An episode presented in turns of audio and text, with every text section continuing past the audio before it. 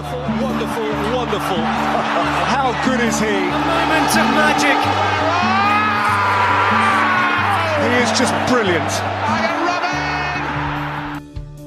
Hey, goed, we gaan eh, in deze hele vreemde periode waar het land nu in verkeert door eh, het coronavirus toch heel veel content proberen te maken. We kunnen niet echt met huidig voetbal bezig zijn, dus we Nee. gaan even terugblikken. Ik heb aan jou gevraagd om de beste elf van bepaalde topclubs op te noemen van de laatste 20 jaar. Dus vanaf 2000 tot 2020. Ja. We gaan bij Barcelona langs de beste elf, de beste elf van United, de beste elf van Real Madrid, de beste elf van Inter. Een hoop topclubs kunnen we natuurlijk bespreken. We gaan vandaag beginnen met Barcelona. Eerste vraag, vond je het lastig om eh, elf, de beste elf op te noemen? Van Ja, het is wel club? lastig, want op een paar posities kom je echt in de knoop. Dan, ja, je moet dan gewoon wel legendes buiten je elftal laten. Ja, Alleen, het is wel, ja, het is super leuk om te doen. Ik moet zeggen, het is ook wel een tip voor iedereen eh, thuis. Zeker in een weekend zonder voetbal. Want je denkt van, hoeveel tijd hebben niet-sportliefhebbers normaal wel niet over, hè? Ja. Als er geen voetbal is. Maar ja, dit is echt eh perfecte tijdverdrijf. ja, we beginnen op doel, heel lastig. Ruud Hesp, Sillissen of toch iemand anders? Ja, Sillis heeft het net niet gehaald. Nee. Nee, ik heb even zitten denken aan Victor Valdes. Nee joh. Maar nee, die heeft het niet gehaald. Nee, Marc-André Ter Stegen natuurlijk. Ja, Omdat Ter Stegen in mijn ogen de meest complete keeper van de wereld is. De beste weet ik niet, want kijk, puur qua redding is Oblak denk ik eh, beter op dit moment. Hè? Nou, we hebben het op Anfield eh, weer gezien. Nee, Ter Stegen heeft al alles. Hè? Hij, kan meevoetballen, hij kan agressief zijn doel uitkeepen. Eh, hij is goed op de lijn, sterke reflexen. Maakt echt zelden een foutje. En zeker dit seizoen bij Barcelona na Messi is hij het vaakste uitblinker. En dat zegt iets over Barcelona, maar het zegt ook iets over Ter. En ik, ik las vorige week toevallig een interview met Siddissen eh, terug. En die vertelde van ja, toen hij naar Barcelona ging. Toen was Ter die had ook nog niet de status van nu, zeg maar. Hè? Die, die kwam van München Gladbach eh, af. En die is de laatste jaren eigenlijk ook wel zo ontzettend gegroeid. Dat het voor Siddiss ook nooit tot de concurrentiestrijd is gekomen. En eh, ja, Ter verdient deze plek in mijn elftal. Jij speelt 4-3-3 neem ik aan? Ja, bij Barcelona moet het wel. Ja, dan Toch? gaan we naar de rechtsback. Is denk ik ook geen verrassing. Eh, nee, Dani Alves. Ja. En Dani Alves, ik heb het idee eigenlijk dat pas na het vertrek van Dani Alves eh, had iedereen door hoe goed hij eigenlijk wel niet was. Want Dani Alves was natuurlijk ja, super gewaardeerd wel in de tijd dat hij bij Barcelona speelde. Alleen een beetje op een rare manier vertrokken. Hè? Eh, kreeg niet het contract wat hij wilde. Ging toen nog naar Juventus. Eh, en bij Juventus toonde hij eigenlijk wel aan nog makkelijk mee te kunnen. Bij Barcelona was het idee een beetje dat Alves zijn beste tijd gehad had. Was misschien ook wel zo. Maar de vervangers daarna waren absoluut niet beter. En die wisselwerking die Alves op rechts had met Messi, ja, was toch wel heel bijzonder. Messi die dan vaak, eh, zeker in, in zijn jonge jaren speelde hij nog vaak puur vanaf rechts, hè, maar dan trok hij al vaak naar binnen. Ja, Alves die er dan overheen denderde, ja, die twee wisselen elkaar eh, blindelings te vinden. En Alves is denk ik ook wel, als je bijvoorbeeld naar Trent Alexander-Arnold kijkt op dit moment, eh, Alves is denk ik ook wel een pionier geweest eh, qua type verdediger. Hè? Een, super veelzijdige back, veel loopvermogen, technisch, eh, in het 16 meter gebied gewoon goed, goed schot, overzicht, ontzettend goede speler. En ik denk dat hij misschien ook wel een beetje onderschat is, omdat hij, hij heeft niet echt een serieus imago. Hè? Het was een beetje een clown, altijd lachen. Nou ja, we kennen die clipjes ook wel op, op social media. Hè? Ja. En misschien dat daardoor mensen vergeten zijn eigenlijk wat voor een geweldige profit ook wel niet was bij Barcelona. Ja joh, hij was degene met de meeste assists vaak in het elftal. Meer dan Xavi of meer dan Iniesta Ja, zelfs. zeker. Echt een goede aankoop geweest ook. Bij Sevilla was hij al ontzettend goed. Toen hadden ze vaak Europees succes, hè. Sevilla en de Europa League en zo. En eh, ja, Alves, een van de beste aankopen van deze eeuw geweest voor Barcelona. Ja, hij is nog eh, volgens mij speler van het toernooi in de Copa America laatst geworden op 36-jarige leeftijd. Ja, precies. En dat zegt ook iets over zijn professionaliteit, hè? hoe fit hij nog is. Eh, ja, en gewoon zijn klasse, want het is niet alleen fitheid bij hem. Het is zeker niet alleen loopvermogen zoals je bij sommige backs eh, ziet. Hij, hij, hij had van alles wat, hè? techniek, fysiek, Hardschot ook. zeker. Ja, ja, die is gemist. Die wordt nog steeds gemist volgens mij in Barcelona. Ja, nou ja kijk, Sergio Roberto eh, doet het volgens mij verdienstelijk. Maar als je Sergio Roberto ziet voetballen, heb je toch altijd het idee dat je nog een middenvelder op de backpositie ziet spelen. En ja, Semedo heeft wel een paar van de... Semedo is een soort Dani Alves light, hè. Eh, hij heeft een paar van die eigenschappen, maar het is allemaal net wat minder. Uitstekend, dan schrijven we op. Centrale verdedigers. Ja, eh, ja, het kunnen er eigenlijk maar twee zijn. Ja, wordt een beetje saai hè? Nee. Ja, nee, centrale verdedigers, centrale verdedigers moet ik zeggen, dat wa- dat was de keuze ook niet reuze bij Barcelona. Ze hebben ook best wel miskleunen gehad. Zigrinski. Sigrinski eh, is er een waar je zeker aan, aan moet denken dan. En ja, Puyol, daar kunnen we niet omheen hè. Nee. En Puyol, hij heeft wel een beetje... ik- denk dat dat vaak wel is bij verdedigers, ook met, ehm, met een flinke haardos, zeg maar. Die vallen op, hè. En daardoor lijkt het ook altijd wat wild, heb ik het idee. Dat die, die springen meer in het oog. David Luiz heeft dat eh, bijvoorbeeld ook. En Puyol had dat ook wel. Hij, hij kwam wat wild over in de duels, vloog er altijd in. Ja, harde verdediger wel. Precies, maar hij maakte eigenlijk bijna nooit een fout. Piol was ook wel een speler maar, waar de sporters echt eh, respect voor hadden. Omdat bij hem, het was niet zozeer dat de klasse er vanaf spatte. Maar hij moest het vooral van zijn mentaliteit hebben ook. En zijn onverzettelijkheid. Een echte Barcelona-jongen. Catalaan. Precies. En hij, Captain Fantastic. ja, en hij zei volgens mij ook ooit van... Ja, ik heb niet de techniek van Romario. Ik heb niet de snelheid van Overmars. Ik heb niet de klasse van Kluivert. Maar ik wer- werk wel harder dan iedereen. Ja. Ja, zo heeft hij zich eh, jarenlang eh, moeiteloos staande gehouden in het elftal. Is hij ook de captain van dit elftal van jou? Puyol is de absolute leider van deze ploeg. Zeker. Dat dacht ik al. Ja. Oké, dan gaan we denk ik naar eh, de man van eh, Shakira. De mooie heupen. ja, klopt. Ja, Piqué is iets minder soepel in de heupen, kunnen we wel zeggen. Nee, ja, Piqué heeft als nadeel dat hij zijn fysiek begint wel een beetje een probleem te worden. Hè. Hij is niet traag, maar op de eerste meters ja, is het geen... Het is geen vergaan, om het zo maar te zeggen. Hij is kwetsbaar in de rug hè, eh, met de diepte. Eh, eh, laatst in de Copa-wedstrijd bij Atletiek Bilbao... dat hij ook aan het broekje van Inaki Williams ging hangen. Ja, dat Een mooie niet- handrem was dat. Ja, precies, omdat hij hem niet bij kon benen. En ik denk dat Piqué zo in de komende jaren wel meer problemen gaat krijgen. En bij Barcelona, zeg maar de verandering in speelstijl, heeft volgens mij ook wel grotendeels te maken met eh, de ouderdom eh, van Piqué. Omdat tegen Napoli zag je het ook in die uitwedstrijd. Ze proberen dan nog vooruit te verdedigen. En Piqué stapt dan in, maar hij mist eigenlijk net, net die 3-4% snelheid eh, om dat goed op te lossen. En in de grote ruimtes wordt hij dan geklopt. Alleen Piqué is nog altijd wel de beste verdediger van Barcelona. Gewoon omdat hij voetballend goed is. Hij heeft altijd overzicht in de situatie. Hij is niet de snelste, maar met zijn inzicht kan hij veel eh, compenseren. Ja, Piqué is ook wel een leider. Hè? Eh, bij Barcelona zien ze een toekomstig eh, president in hem. Hij is- Zo wordt hij ook genoemd, hè? El Presidente. Precies, en hij is heel uitgesproken. Eh, ik denk dat de clublijn daar af en toe wel minder gecharmeerd van is. Maar het is wel mooi om zo'n speler ook in het elftal te hebben. En Piqué, toen we hem zagen doorbreken, hè, want hij heeft een beetje een omweg genomen hè, Manchester United. Toen is hij nog verhuurd aan, aan Zaragoza. Hij had nooit echt de uitstraling van een potentiële topverdediger. Bijvoorbeeld bij Varaan, toen Varaan als jonkie doorkwam, zeg maar, daar straalde de klasse wel vanaf. Piqué oogde wat traag, eh, maar ja, hij heeft zich toch wel echt naar een ja, geweldige carrière ontwikkeld. Ja, en een geweldige slag geslagen op eh, het liefdesgebied. Ja, jij zegt het. ja. Ja. Goed, gaan we naar linksback. Eh, Jordi Alba, ja. ja.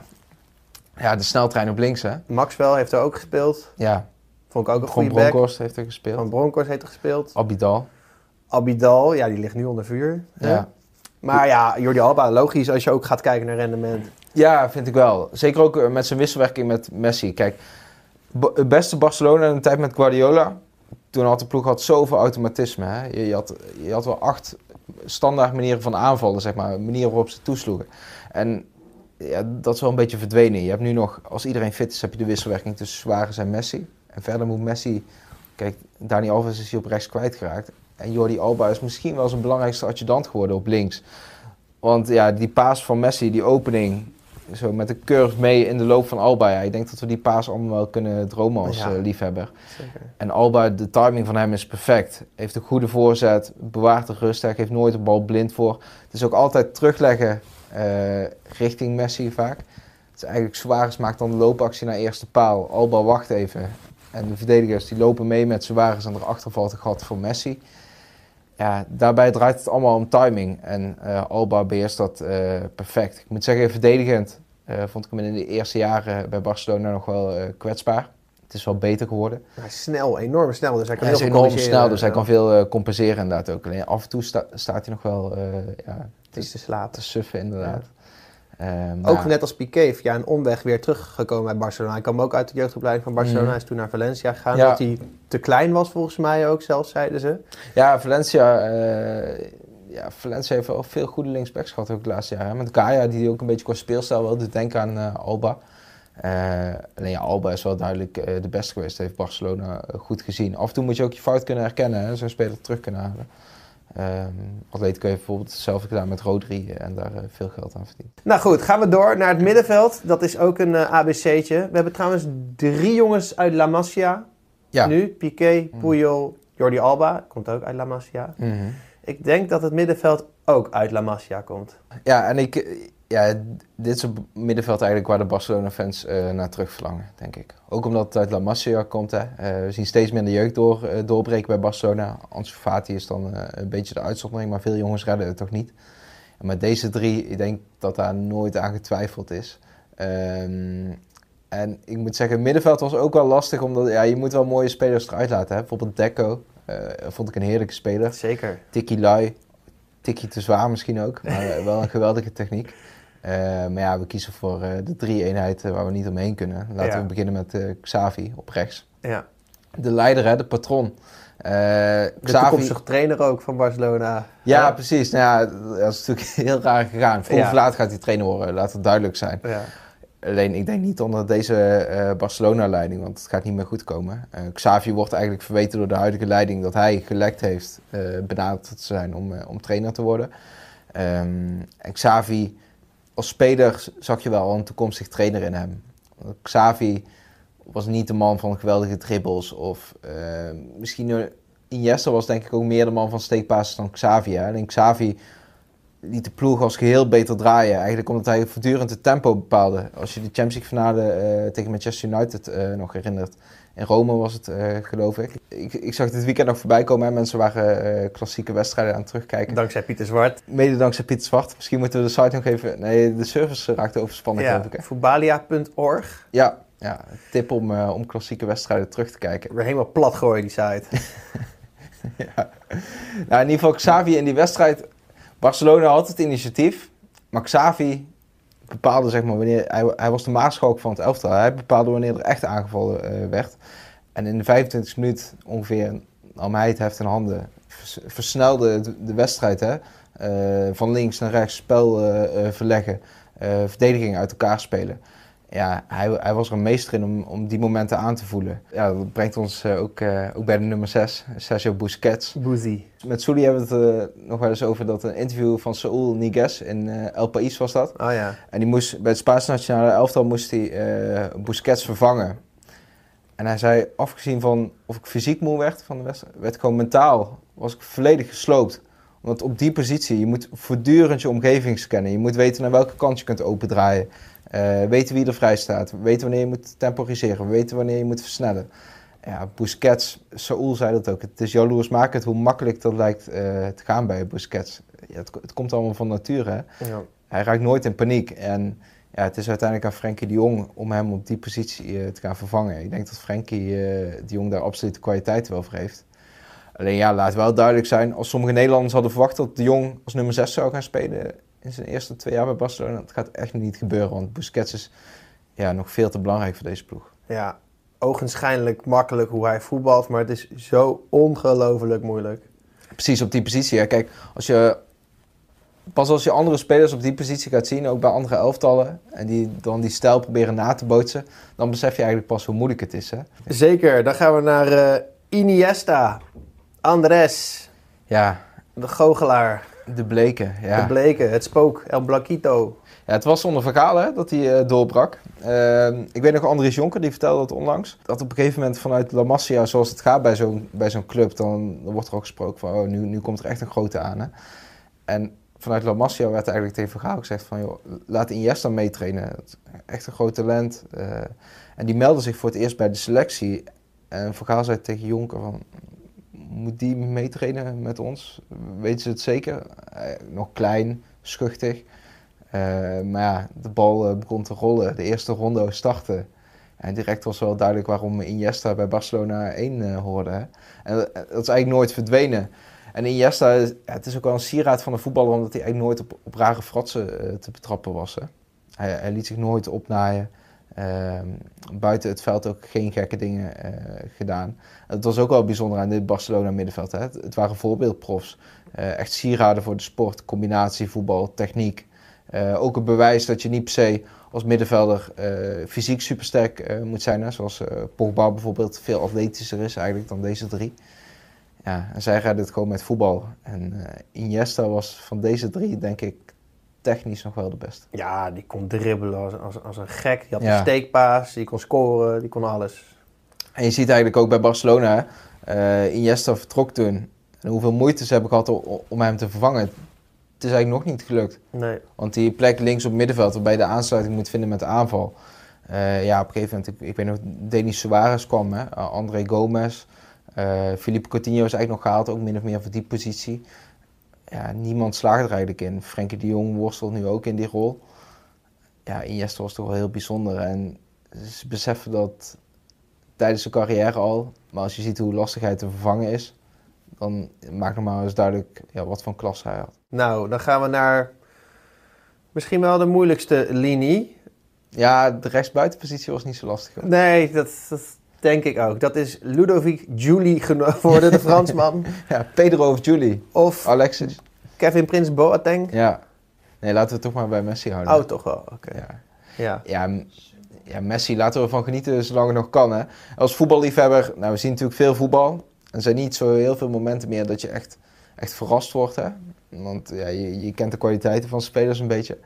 Maar Messi is wel de speler die in een seizoen, denk ik, iedere liefhebber nog het vaakst van de bank af krijgt. Dat je gewoon, eh, ja, dat je juicht uit, uit verbaasdheid, zeg maar, omdat, je niet verwacht. En voor Messi kijk je Barcelona. Ook al is Barcelona als ploeg veel minder geworden. En ik kan me nog herinneren, eh, volgens mij was het anderhalf seizoen geleden, die uitwedstrijd tegen Real Betis. Of vorig seizoen was het. Met die stift. Met die stift. Ja, het was zo'n moment, hè. Dat, het mooie was ook die Betis supporters op een gegeven moment. Want ja, je, je ploeg krijgt een goal tegen. Er was in het begin teleurstelling. En toen begonnen ze na te denken. Toen beseften ze eigenlijk pas wat ze gezien hadden. En ja, het gevoel waarmee hij die bal in de verre hoek legde. Ja, zo heb je bij Messi heb je wel twintig goals waar je op die manier over kunt praten. Ja, ja, het is zo, eh, zo briljant. En La Liga, we hebben het ontzettend getroffen dat we Ronaldo en Messi eh, jaren in dezelfde competitie tegenover elkaar hebben eh, zien staan. En ik heb het idee dat Messi eh, Ronaldo ook wel een beetje mist in, in de Spaanse competitie. Ik denk andersom ook. Ja, precies. Die twee, ze dreven elkaar ook naar grote hoogte. Hè. Ze, ze hebben dat ook in interviews verteld.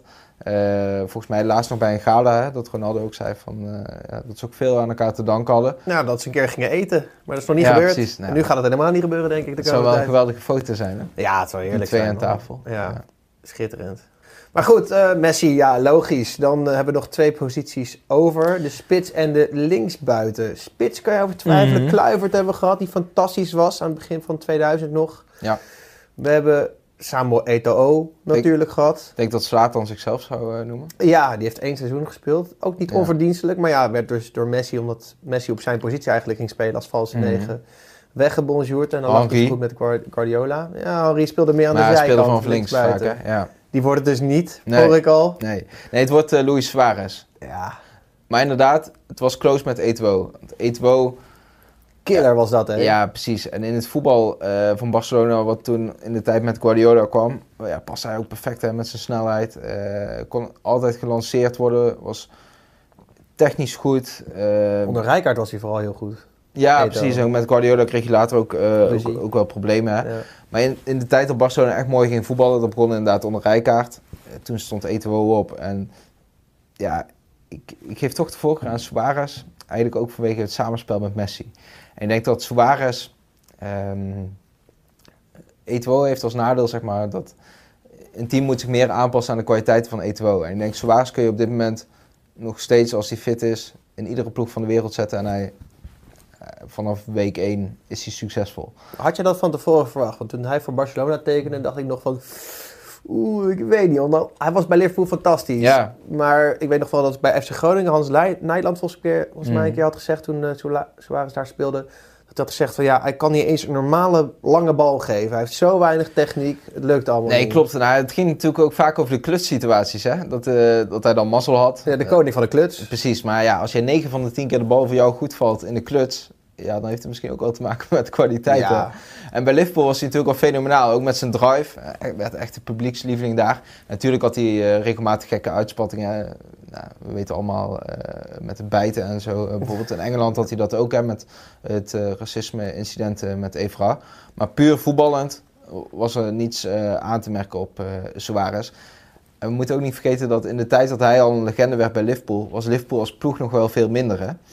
Het- Ik ben één keer op Anfield geweest, toen, eh, toen stond Suarez in de spits, speelde ze thuis tegen Newcastle. En toen, eh, toen was uh, John Joe Shelby eh, nog de spelmaker. Hè? Ja. Zo'n niveau had die ploeg toen. Eh, dus ja, als je Suarez bij Liverpool van nu had neergezet, ja, dan was het helemaal een fenomeen geworden. Ja. En ja, met Messi, die klik die hij heeft ontwikkeld, want ze hebben elkaar nog redelijk laat in de carrière getroffen. Hè?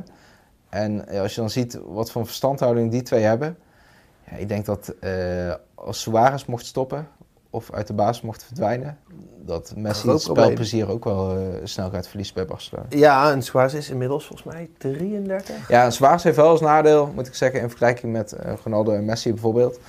Suarez heeft niet het lichaam, zeg maar, om nog tot zijn 36e eh, op hoog niveau door te gaan, denk ik. Hij speelt de laatste jaren al vaak met knieproblemen. Hè.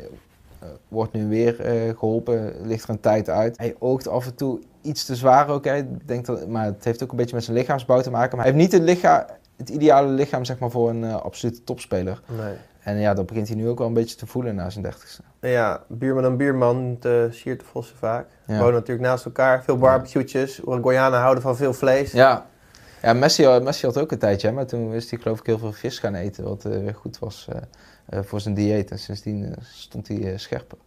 Uitstekend. Nou, Luis in het elftal. Dan blijft er nog één positie over en daarna de trainer. Ja. Ja, het was een grote twijfelshow, denk ik, tussen twee Brazilianen. ja, klopt. Ja, Neymar of Ronaldinho. Ja, het waren twee artiesten. Of het zijn, eh, Neymar eh, is natuurlijk nog een artiest. Alleen, ja, ik geef de voorkeur aan Ronaldinho, omdat Ronaldinho had ook de uitstraling van een artiest. Ronaldinho speelde met een lach op zijn gezicht. Hè. Eh, en dat maakte...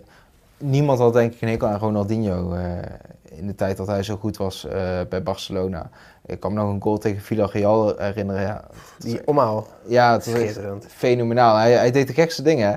Bij Ronaldinho had je het gevoel, hoe, hoe groot de wedstrijd het ook was, hij stond op een pleintje te voetballen. Als hij de bal kreeg, dan werd het gewoon weer, ja, werd het gewoon weer even ouderwets dolle, zeg maar.